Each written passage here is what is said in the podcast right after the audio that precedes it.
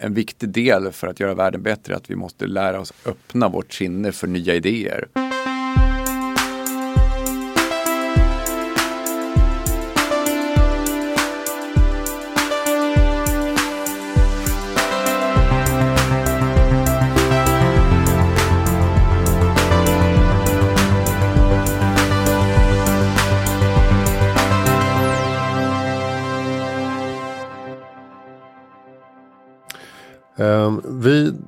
Vi kör igång det stora insektsavsnittet. Uh, välkommen till Heja Framtiden uh, Anders Engström. Tack, tack. Aktuell med boken som heter Äta insekter. Mm. Entomaten och det stora proteinskiftet. Yes. Ute på Pugg förlag. Um, det var väl genom dem David och Jennifer som jag kom i kontakt med boken från början. Mm. Och fick ta del av den. Och jag har läst och eh, är ju rätt peppad liksom. Teoretiskt på detta. Ja, jag förstår det. Det är många som har det här liksom, intellektuellt. Mm. Så kan de omfamna det här. Precis. Eh, men du, du, är ju dels eh, medieperson som jobbar på IDG. Du är technörd, du är bloggare sedan länge. Eh, hur, eh, hur kom du in på insekter från början?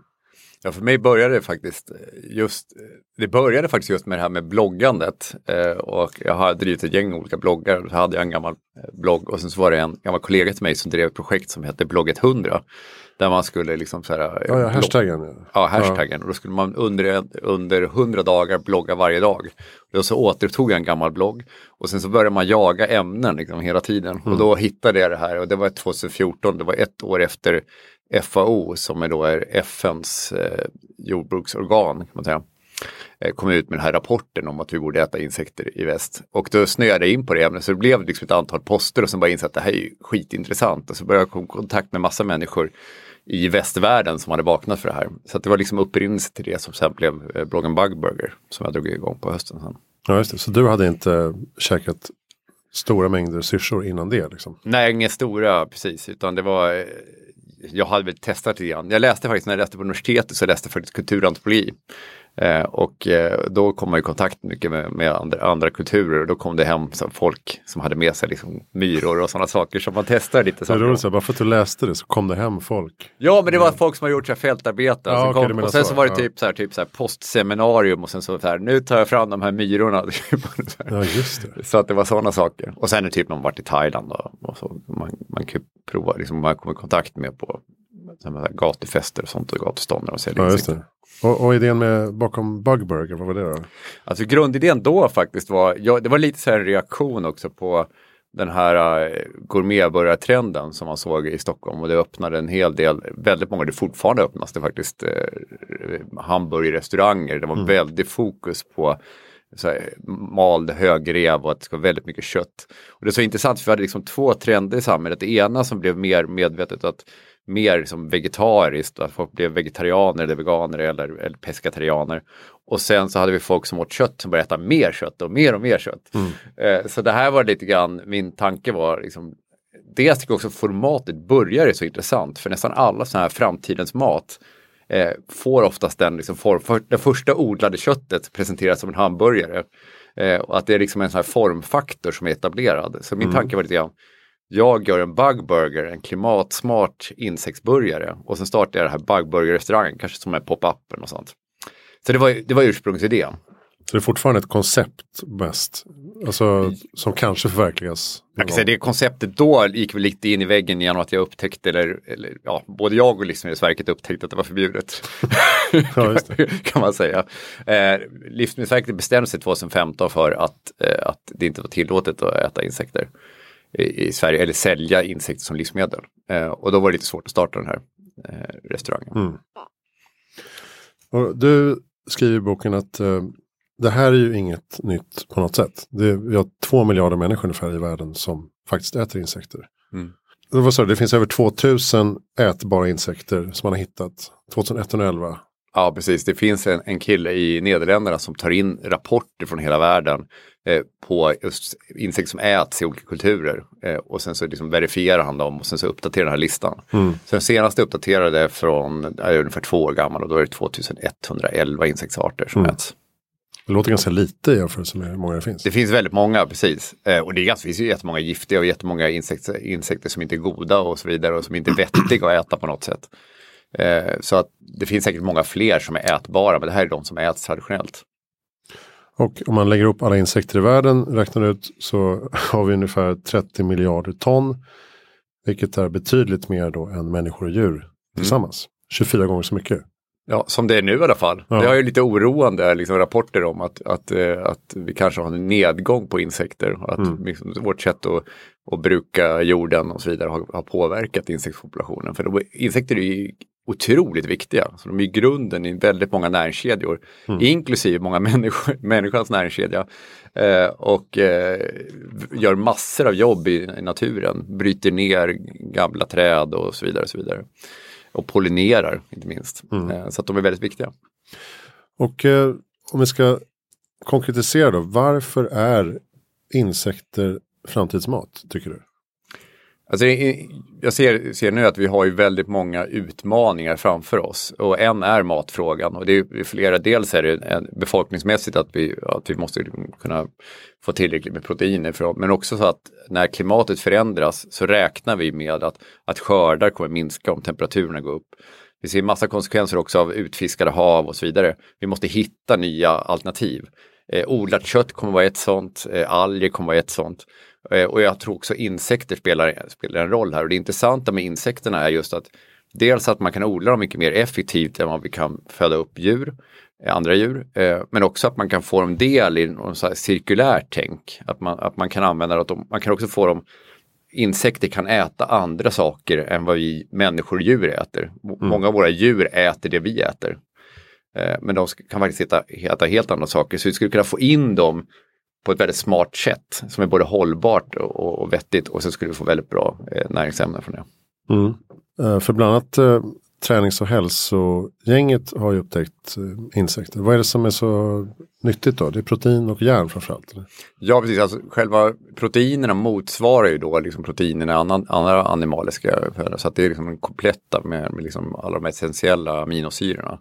Så det är liksom en intressant profil och det motsvarar ungefär halten i, i, i insekter, ungefär halten som det finns i rött kött. Eh, om du kör torkat och malt så blir det ännu högre. Om jag har, sånt här, jag har med mig så här lite syrspulver här. Det, det har ungefär så här 60-70% protein. Mhm. Så det är ganska hög, hög halt. Men sen innehåller också då järn. Eh, och järn är väl faktiskt en av de saker som, som vi kan ha brist av i väst. Eh, framförallt kvinnor. Eh, så att det, det är en viktig del. Och sen finns det vitamin B12 som bara finns i animalier. Eh, så kan man tänka sig till exempel att vara, vara ento-vegetarian då, som en del pratar om, så skulle man då kunna äta helvegetariskt och sen komplettera med med till exempel man, gör, man har lite pasta med syrspulver i eller, eller man, man gör en gröt som man slänger i lite syrspulver. Och då får man proteiner, vitamin B12, järn.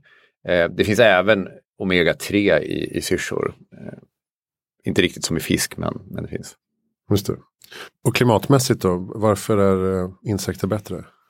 Det är, det är att de, eh, det är mycket effektivare att odla insekter för att en nyckel här är att insekter är kallblodiga. Eh, Och vi, när vi äter så använder vi ganska mycket av vår energi till att hålla en jämn kroppstemperatur så att vi liksom slösar lite bort liksom av energin här. Så fin, har vi redan värmen runt om, eh, alltså insekter kräver ju viss värme för att de ska bli produktiva och, och, och funka. Men har vi varmt runt om eh, och tänker vi oss till exempel i Sverige om vi skulle kunna utnyttja spillvärme från, från industrier eller från datahallar och så vidare. Då har man fixat en stor del liksom av den energin som behövs för att, för att de ska växa upp. Och sen så lägger de all den energin sen som de äter på rörelse och tillväxt.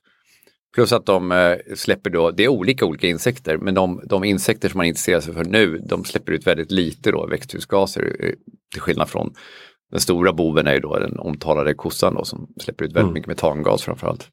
Just det. Och, och då tänker man sig att det här skulle kunna funka i vertikala växthusliknande byggnader till exempel. I urbana miljöer där man kan snabbt odla fram eh, hållbara proteinkällor. Ja, så spännande med det också är just att de inte kräver så mycket utrymme. Mm. Och att det just går att bygga dem på höjden. Och man skulle kunna liksom bygga, och det, det gör man idag, de som bygger upp här anläggningar så bygger man dem, eh, stackar man dem på höjden. Det blir som, som serverhallar nästan. Mm. Nu är det ju som sagt inte alla typer av insekter som går att äta. Men vilka, vilka är de vanligaste som eh, du stöter på? Det intressanta nu att nu, det här är ju så nytt egentligen i väst att vi tänker de här banorna och, att vi, och att också att, att börja odla insekter är ganska nytt. Traditionellt så odlar vi eh, honungsbi eh, som har gjort det tusentals år.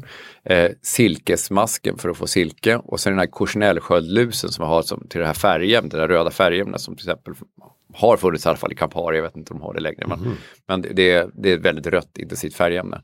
Eh, men annars så har man senaste, ungefär senaste hundra åren som man har odlat insekter för mer som husdjur, så bete och sådär. Eh, och senaste 30 åren har man i Thailand börjat odla syrsor Eh, och olika andra insekter. Så att de intressanta nu som vi utgår från, det är de som vi har odlat framförallt faktiskt det husdjurs liksom, så här, industrin som föda. Och det, det är mjölmask, det är syrsor, det är gräshoppor eh, och det, ja, det är olika typer av, av skalbaggar, vaxmåttslarver. Eh, det finns ungefär ett, ett 15-tal.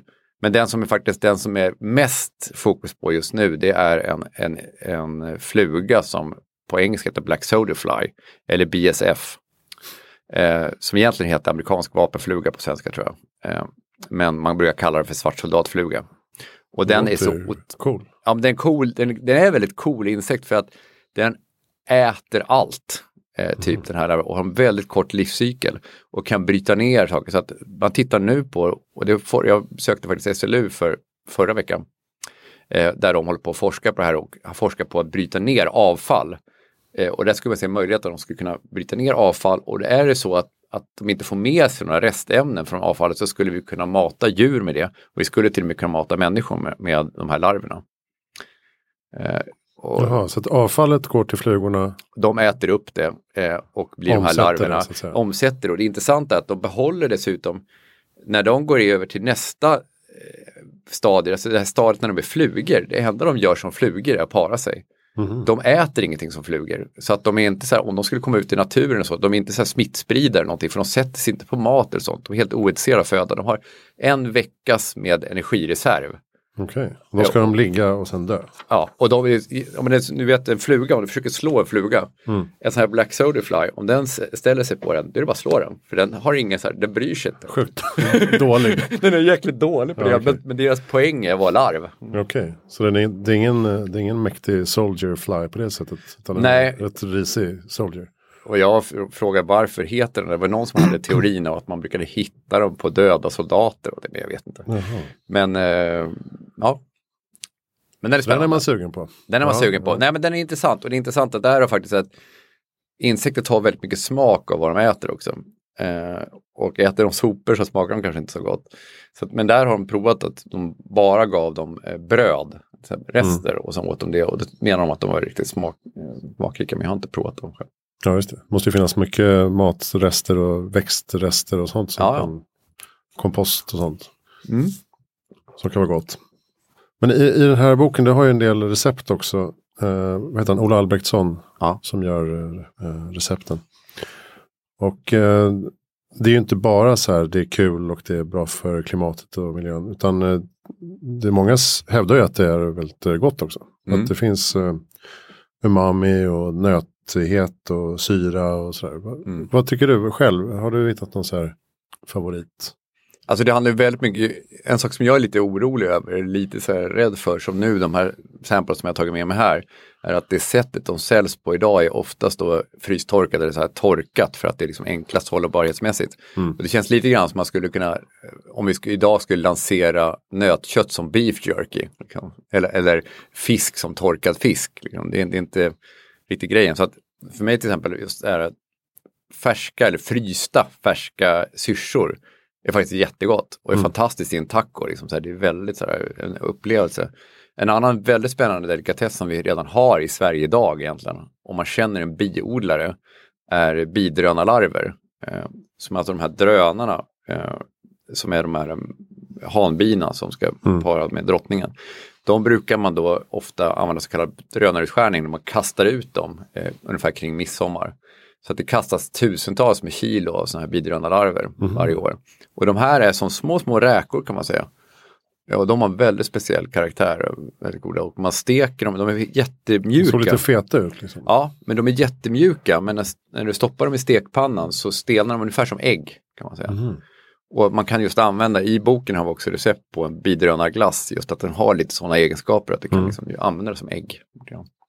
Ska vi gå igenom lite vad du har med? Jag tänkte eventuellt filma det sen också när vi Mm. smakar. Men Mm. eh, du har tagit med några samples. Precis. Eh, dels eh, hardcore är väl just det här att gå på. Det som i Finland, där det är tillåtet sedan förra året att sälja insekter som mat. Där finns en hel del företag som, som jobbar med det här. Och de menar, eller de flera jag pratar med menar just att vi har liksom de här early adopters vill gärna prova den hela insekten. Eh, så att det finns liksom en marknad för det lite grann. Eh, så då är det och då säljs de oftast nu liksom som, som snacks. Så här har vi, här har vi finsk eh, odlade syrsor. Eh, som de har smaksatt. Nu kommer jag inte ihåg exakt vad de här var smaksatta med. Så, där har vi alltså, Det här, det här är syrsor då, det är hussyrsa. Som är odlad i Finland och sen är de smaksatta. Så de kan man prova. Mm. Eh, sen så här är ju då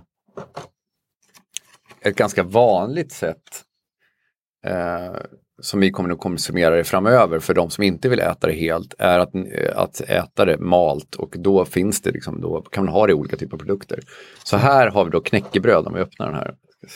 Eh, så här har vi, har vi då knäckebröd. Kan du prova. Så det är gjort på 30 syrsmjöl Mm. och sen så är det, är det vanligt mjöl. Eh, och det ger en liten sådär karaktär men framförallt blir det också proteinberikat och järnberikat. Mm, gott. Mm. Och vad sa du? Jag måste prova de Ja, prova här. Då. Vad var det då? Ja, nu kommer inte jag exakt ihåg vad de där var smak exakt är, men de är, de är kryddade, de är inte helt naturella de där. Men det var någon slags syrsa. det, är, det är hussyrsa Hussyrsa. mm, som faktiskt finns i Sverige. Men de brukar faktiskt, just de heter hussyrsa för att de eh, bor inomhus mest. För de klarar inte våra temperaturer på sommaren kan de sticka ut. Och här har vi en, eh, den kan vi öppna också. Det här är en bar som är gjord, som det står här, 32 crickets. Det är alltså faktiskt Ja, det. ett svenskt företag som har gjort. Kan du prova?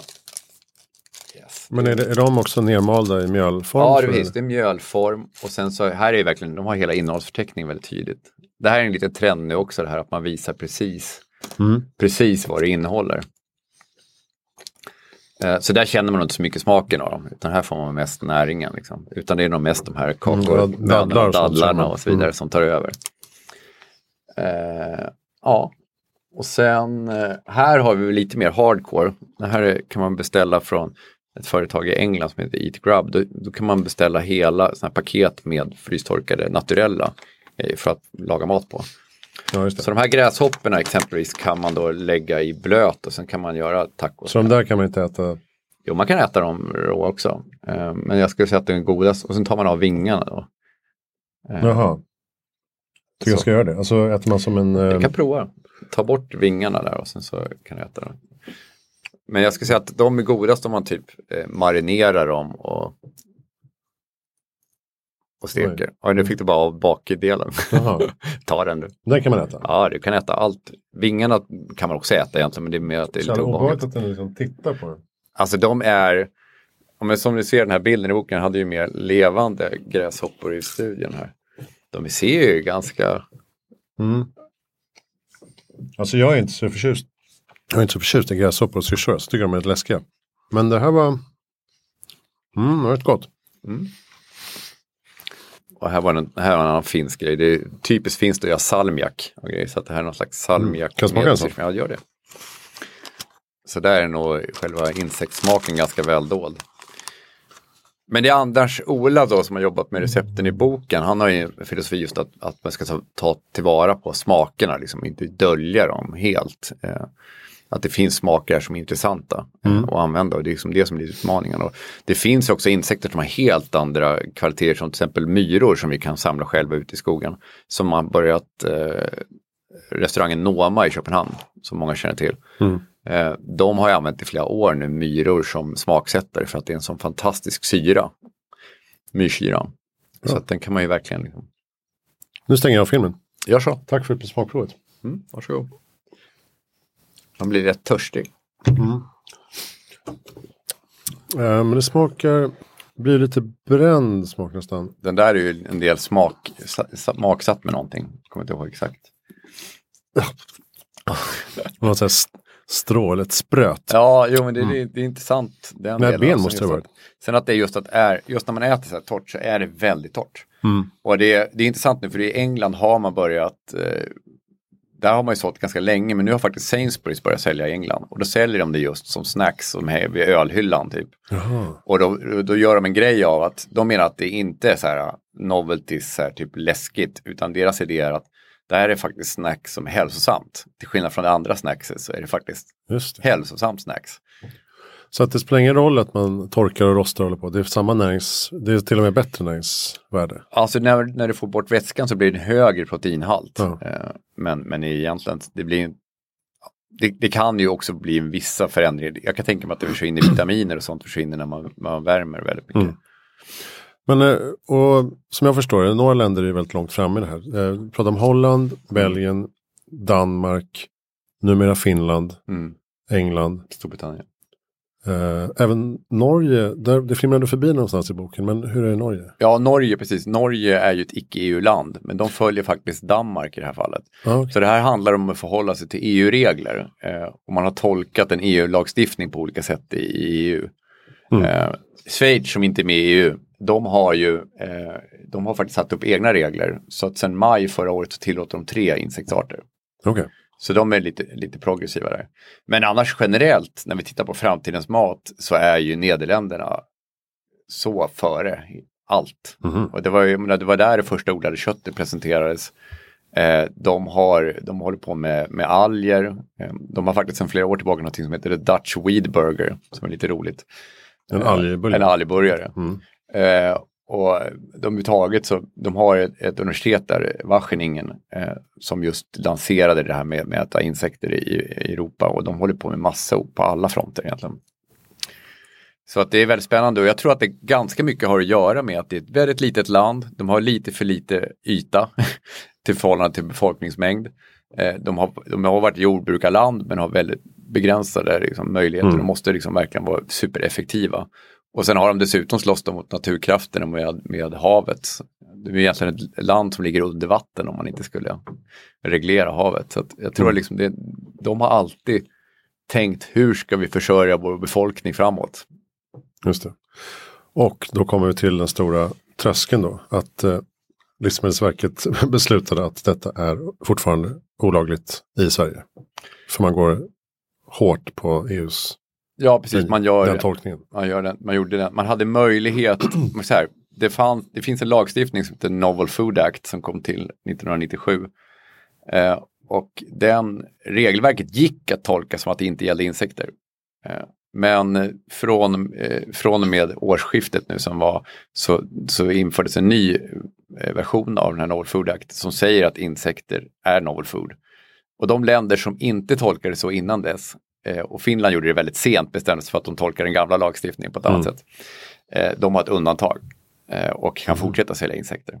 Så Sverige hade chansen att göra det, Livsmedelsverket hade chansen att göra det, men valde att inte göra det. Vilket innebär att vi nu väntar på att ansökningar som har gått till, och därför jag sa EFSA tidigare, EFSA är då det centrala livsmedelssäkerhetsverket. Kan man säga. Mm.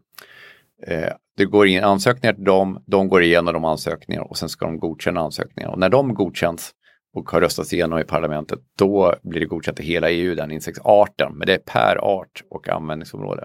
Aha. Så att det är lite... Och vem ansöker? Så att det är företag som ska ansöka. Eh, och det är ganska kostsamt. Så att hittills har det faktiskt kommit in, skickats in 14 ansökningar. Sex stycken är, har gått vidare i pipeline, den första tröskeln, eh, vad vi kan se eller vad vi vet. Eh, och det gäller då fem insektsarter tror jag. eh, som, som nu är liksom beha- under behandling. Och vi har fått indikationer på att någon insektsart kommer att godkännas nästa år, eh, mitten av nästa år. Mm. Eh, och då ska det bli godkänt i Sverige också, men vi får se. Därför det man får intrycket av är att, att Livsmedelsverket har agerat ganska märkligt i det här. Att de har varit väldigt, det var mycket så här kontroller och eh, stänga ner och liksom backa. Mm. Alltså det, det, det jag tror har väldigt mycket med, så här, dels har med resurser att göra, det har också med så här, strukturer att göra, hur det funkar. Och, och, och vad jag förstår, det är intressant att de som har stoppat, det är ju liksom eh, livsmedelsreglerna, de upprätthålls av miljöinspektörer i kommunerna. Mm. Så att det, det hänger lite grann på olika kommuner hur mycket de har liksom rackat ner på, på företag. Så att det finns Mm. företag som har kunnat köra på liksom ganska bra. Medan i Göteborg och Stockholm har man då stoppat eh, verksamhet och tolkat det här väldigt hårt. Eller liksom, ja, jag menar, det var ju till och med Hakuna Mat som är ett företag som, har, som la ner nu vid årsskiftet efter det här Mm. beskedet kom. De var ju med i en tävling som Vinnova ordnade som heter Klimatsmart protein. Där tre av projekten var insektsprojekt. Eh, och då hade de fokus, då utvecklade de något som heter Hakuna Färs som var då en, en mjölmaskbaserad färsprodukt. Mm. Och då hade de smakpaneler, men de blev stoppade av miljöinspektörerna, fick inte ha smakpaneler för att det var otjänligt, liksom, det var inte livsmedel. Mm. Och det är, liksom, det är så löjligt för att det är, liksom, det är liksom vuxna människor, det är människor över 18 år som är medvetna om riskerna som gör det här. Det är inte som att man försöker lura någon konsument. Så att det, det är väldigt mycket så frustration i Ja, men det är ju så här paragrafrytteri eller en så här enormt behov av att följa regelverk. Ja. Men, Och vad, vad skulle riskerna vara då i så fall? Det är klart det kan finnas risker det, det kan vara risker med, det finns, jätte, det finns stor poäng med livsmedelskontroll.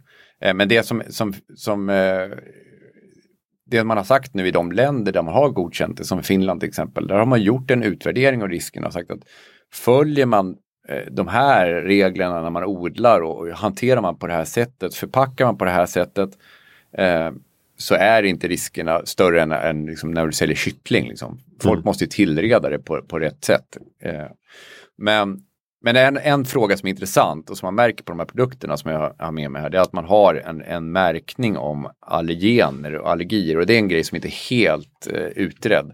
Det är exakt hur, vad är det i insekter som folk kan vara allergiska mot. För att är du allergisk mot skaldjur så är det ganska stor chans att du är allergisk även mot insekter. Mm. Eh, Men det varierar mellan olika insektsarter och grejer. Så det är liksom, och- det har man ansett i de här länderna man godkänt det, att det räcker med den märkningen. Eh, Och vi har ju ingen märkning av räkor, liksom så här, typ, sånt, för folk vet det. Eh, Här är ju det att folk inte har kunskapen om att, att är du allergisk mot det här så kanske du får den här reaktionen. Just det. Men och, och det verkar som att vissa bolag då har eh, lagt ner och vissa har flyttat utomlands. Mm. Där man lagligt kan fortsätta sin Mm. verksamhet. Mm. Eh, Quicket drog väl till Belgien? Ja, precis. De gjorde, som de beskrev det själva, gjorde de en TV3. eh, ja, precis. typ lite grann och försökte sälja därifrån. Eh, men de gav faktiskt upp också eh, nu när vi årsskiftet. Det var svårt liksom, att bedriva verksamhet på det sättet. Eh, och sen kan det vara också att det, det är inte så himla lätt att lansera insekter som mat heller. Det, Nej. det är en ganska tuff, tuff grej att kasta sig Mm. in i. Eh, så att det blir inte lättare att det är olagligt. Nej, det får man säga. Men du nämnde den här eh, rapport, FAO-rapporten från 2013. Mm. Som ju verkar ha blivit någon slags game changer i hela Mm. Ento-världen. Mm. Eh, vad, var det som, vad var det som hände där egentligen? Dels var det en konstaterande, det har ju kommit ett antal rapporter från, från FN just där de gör en prognos över befolkningstillväxt. Mm. Och man tittar liksom framåt, eh, hur mycket människor kommer bli på planeten, hur ser vår liksom, resursfördelning ut, eh, hur mycket jordbruksmark har vi, fisk ja, och så vidare. Så att utifrån det så var det den här, det säga upprinnelsen till det var egentligen att en, en person på FAO hade fått frågan år 2000, hade han fått, fått eller slutet av 19 1900-talet var det, hade han fått frågan från en, en avdelning på, på FN som jobbar med, med nutrition och, och vad folk har för näringsintag i olika länder. Och när de hade fått in alla de här data från olika delar av världen så hade de fått data från Centralafrika eh, som var helt galen. Liksom, De, så här, de, de ringde, upp dem och sa så här, men det här kan inte stämma. Eh, för att de här människorna skulle inte leva idag om de åt så här lite protein. Och det visar sig att man inte har tagit med insekter i, Aha. man har inte tagit med insekter i kalkylen. Insekter ansågs inte som mat. Och eftersom Det fanns vi, ingen, ingen ruta att bocka nej, i, det så fanns ingen ruta att bocka i, det räknas inte som livsmedel. Och från FNs håll, de som kom dit, man berättade, man, man fick också en känsla att man skämdes lite grann för det här. Men det visade sig att vissa länder så, så ut, utgjorde insekter 30 procent av proteinintaget. Eh, och, och när man fick det, det var liksom lite grann det i åtanke som började det arbetet. Så att när man såg de här utmaningarna framåt så bestämde man sig att vi gör en rapport om det här eh, och hur ser det ut i världen, hur mycket insekter äter vi i världen och kan det här vara en möjlig väg även för västvärlden? Och det var väl det man konstaterade i rapporten att det finns väldigt stora poänger med, med att vi skulle äta insekter även i väst. Just det, och då blev rubrik över hela världen att FN säger att vi ska Ja. äta insekter. Ja, eh, och det var, det var liksom, det var den grejen och det, det var väldigt roligt för jag träffade eh, Arnold van Hus som, som är liksom en av dem som liksom var huvudförfattare till den här rapporten. Han skulle presentera den på en FAO-konferens i Rom och då var, det, eh, då var det egentligen, han hade fått fem minuter typ, bara stå där och berätta den i samband med någon annan, en massa releaser. Allting kommer handla om den rapporten sen. Det var så att det påverkar, du har ju verkligen fått det på agendan och har fått västvärlden att vakna. Mm.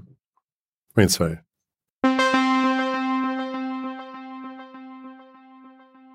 Hur ser vegetarianer och veganer på den här typen av mat? Det, det, det är jätteintressant. Eh, för att det är både och. Men det skulle jag säga att dels har de samma skepsis som alla andra som äter mat eh, i västvärlden. Alltså, alla är ju rotade i matkultur. Eh, så jag skulle säga att det är ganska många vegetarianer som, som säger att de inte äter insekter för att de inte äter djur. Eh, men kanske snarare för att de tycker det är lite äckligt. Eh, att vara vegan och inte äta insekter, det är kanske inte så konstigt liksom, om man ser på liv. Men det intressanta där är att vi äter ju insekter också omedvetet. Eh, så att vi får i oss en massa insekter, för insekter finns överallt och framförallt i processad mat. Som i ketchup och i choklad och, och så vidare så, så räknar vi med att få in ganska mycket insekter. Så det finns till och med siffror som säger att vi äter omedvetet ett halvt kilo till ett kilo insekter per år per person genom den, den processade maten. Så här egentligen bara skulle- så precis, så här skulle det vara liksom steget att man äter avsiktligt. Och, och jag tror, jag tror framför allt att de som idag är väldigt sådär kostmedvetna och som mer äter just vegetariskt och kanske fisk. Att de skulle kunna öppna sig för insekter. Jag, jag ser ingen anledning till att veganer skulle öppna sig för insekter. Eh, Det finns faktiskt några som kallas för entovegans nu. Eh, okej. Det finns några här, som är så pionjärer som, och som då tänker utifrån aspekterna att de menar att insekter inte känner smärta och, så, och menar liksom att det är okej att äta insekter. Mm. Eh, Men annars tror jag att just att det är de hälsomedvetna eh, och de som ser liksom poänger och som tänker klimatsmart och kanske de här flexitarianerna som de som kom först kommer eh, intresseras för det här. Mm. Men eh, hur ser du på, på det rent etiska då? Det är så att man plötsligt äter eh, 250 liv i en burgare Ja. istället för ett. Ja, men det är ju helt intressant. Det är det lite buddhistiska, varje liv Ja. liksom är. Så, ja, men jag tittade på det här eh, 100 gram syrspulver, jag vet inte exakt om det var 100 gram, men det är ungefär 1000 syrsor, malda syrsor. Mm. Det är ganska många, många.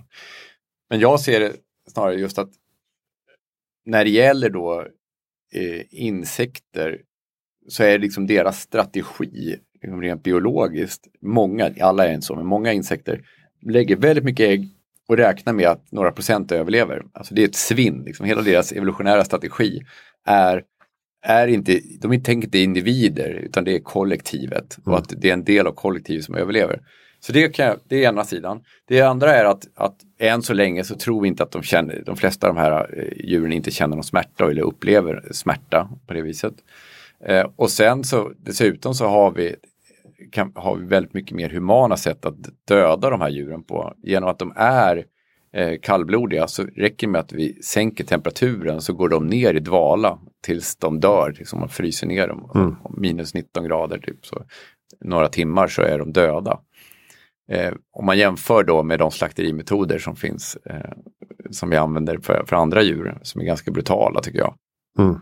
Så att jag har enkla för det. Och sen tycker jag den är väldigt intressant, jag tog med den i boken också, det var någon iakttagelse som tog, eh, en iakttagelse där med att om man pratar per, per liv så, så skulle vi egentligen, om vi skulle ha minst antal liv och få väldigt mycket energi, så borde vi egentligen äta val. För att valar innehåller enorma mängder energi och de åker runt och äter vegetabilier i havet. Så vi skulle ha så här valfarming eller någonting, och sätta på några sensorer eller någonting. Ja. Och fånga, för då, en, en val kan försörja hundratals människor. Mm. Och jag, jag tror, jag till och med något exempel att jag tror de räknar, jag kommer inte ihåg exakta siffran, men typ 11 personers hela människoliv skulle kunna ha kaloriintaget från en blåval. För de är så enormt mycket energi i deras späck. Mm. Det blir nästa trend. Ja, nej, jag vet inte. Men, men, det, men det är intressant. Men jag skulle säga att den etiska frågan, jag tror den har bara börjat och det är intressant att vi ser i Finland nu när man börjat äta insekter så helt plötsligt så intresserar sig djurrättsorganisationer för insekter.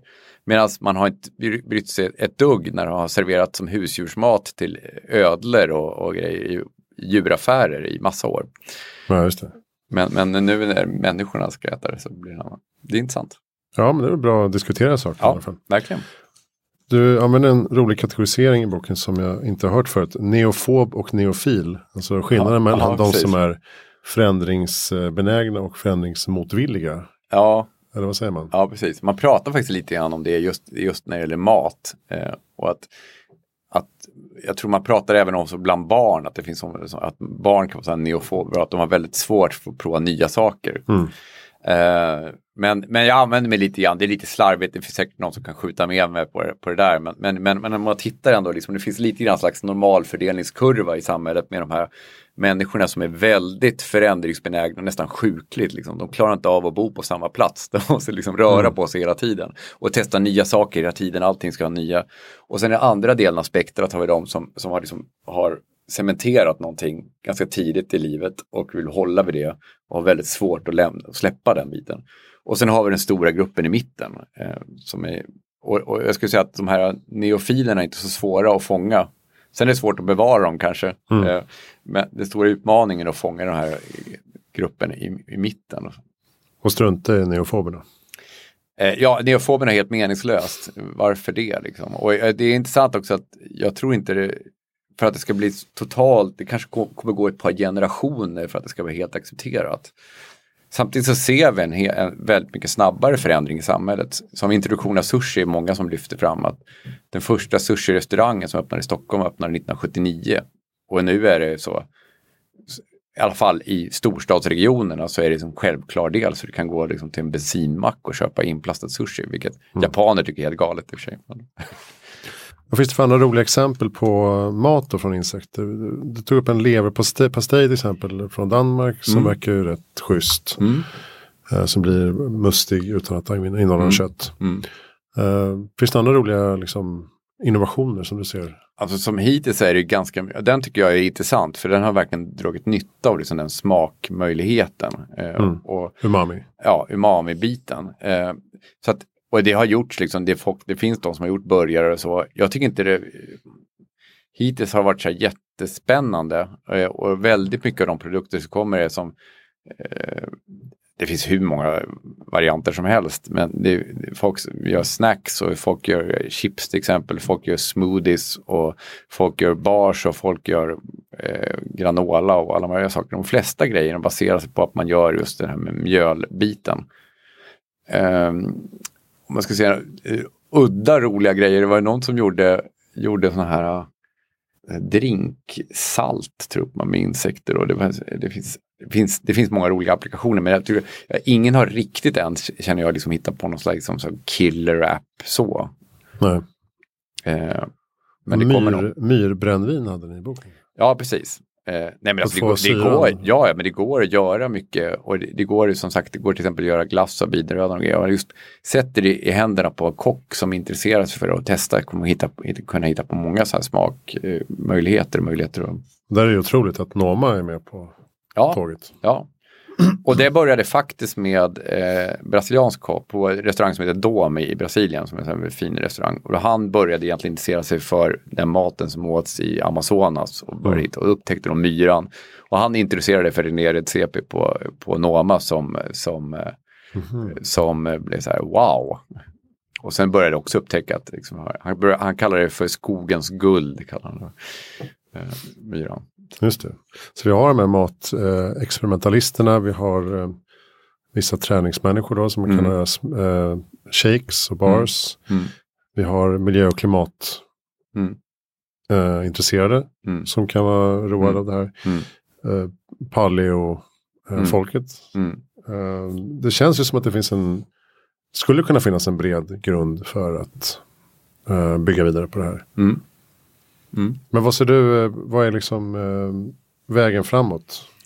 Alltså utmaningen nu, en, en utmaning är, är pris och tillgång. Mm. Eh, tillgång uppenbarligen eftersom det är olagligt här. Och, och, det har också påverkat hela branschen. Det, det har varit svårt för folk att känna att de kan satsa liksom, för, för att gå in med stora finansiella muskler liksom, i det här när man har vet, liksom, osäkerheten kring det här. Men, men eh, framförallt att vi måste hitta, liksom, få ner prispunkten så att det, ska vara billigare än kött. Som det nu det säljs faktiskt, i, i Stockholm säljs det faktiskt insekter nu. Eh, eh, det finns en, en, butik på Sveavägen som heter Happy Food Store som sälj, säljer finska syrsor i burk. Eh, då har de provat det där. De här, eh, och de säljer dem i burk. Eh, och de säljer dem då icke matmoms, alltså 25% moms. Eh, och säljer inte som mat utan som ögongodis då för att kunna komma eh, som en mm. liten lur i abrovinkel. Så du ska köpa den och sätta upp den i hyllan. Typ, eller köpa, köpa den som en present. Mm. Liksom, sådär. Eh, men då kilopriset på den där är 4500 kronor. Den burken, det förstår man liksom, det, det är inte hållbart. Mm. Eh, visserligen 25% moms men ändå, liksom, det, det, det är dyrt. Och det är för att det idag är väldigt mycket manuell hantering. Eh, så att det är många företag som jobbar på det, att automatisera de här, eh, de här anläggningarna. Och man kan säga att vi är lite grann där när man började nu hoppas vi inte att vi får exakt samma parallell som i kycklingbranschen, men, men, men kycklingbranschen har ju utvecklats på hundra år på ett bisarrt sätt i effektivitet. Mm. Eh, kyckling var väldigt, väldigt dyrt för, för 30 år sedan, eller väldigt mycket dyrare och idag är det väldigt billig mat. Eh, så att här har vi potential att få ner priset ganska mycket. Så jag tror att det kommer vara en viktig faktor. Eh, som det är nu så är det, är det svårt att motivera. Eh, nu blir det mer en, en delikatess eller någonting special, någonting kul som man kan prova. Men tolkar jag det rätt som att Livsmedelsverket kan inte säga ja utan nu är det upp till EU? Ja, nu är det för sent för dem att ta ett eget beslut. Ja, just det. Så nu måste EU godkänna varje enskild ja. Uh, art. Ja, och det krävs ansökningar framförallt och det är lite sorgligt också för när det gäller till exempel bidrönda larver, vem ska gå in med den här? Vem kommer gå in och göra alla de här allergitesterna och så vidare för, för en produkt som man kommer sälja kanske eh, säsongsvara kring midsommar. Eh, mm. biodlar, alltså det, det liksom, en, att göra en sån här kostar åtminstone typ någon halv miljon eller någonting, en sån ansökan, kanske mer. Eh, så att jag, jag, ser att vi kommer få en liten så här snedfördelning där liksom just med insektsarter just på grund av det här regelverket. Mm. Och egentligen så tycker jag att det här borde ju egentligen göras Vinnova eller något sånt här, vi skulle kunna ta pengar från statliga medel för att finansiera de här. Vi skulle kunna utreda det från Livsmedelsverkets sida istället för att privata företag ska gå in med de här pengarna. Eh, och sen open sourca det liksom, eh, och göra det tillgängligt till alla. Det är, men, men finns, det, visst finns det en branschorganisation? Ja, precis.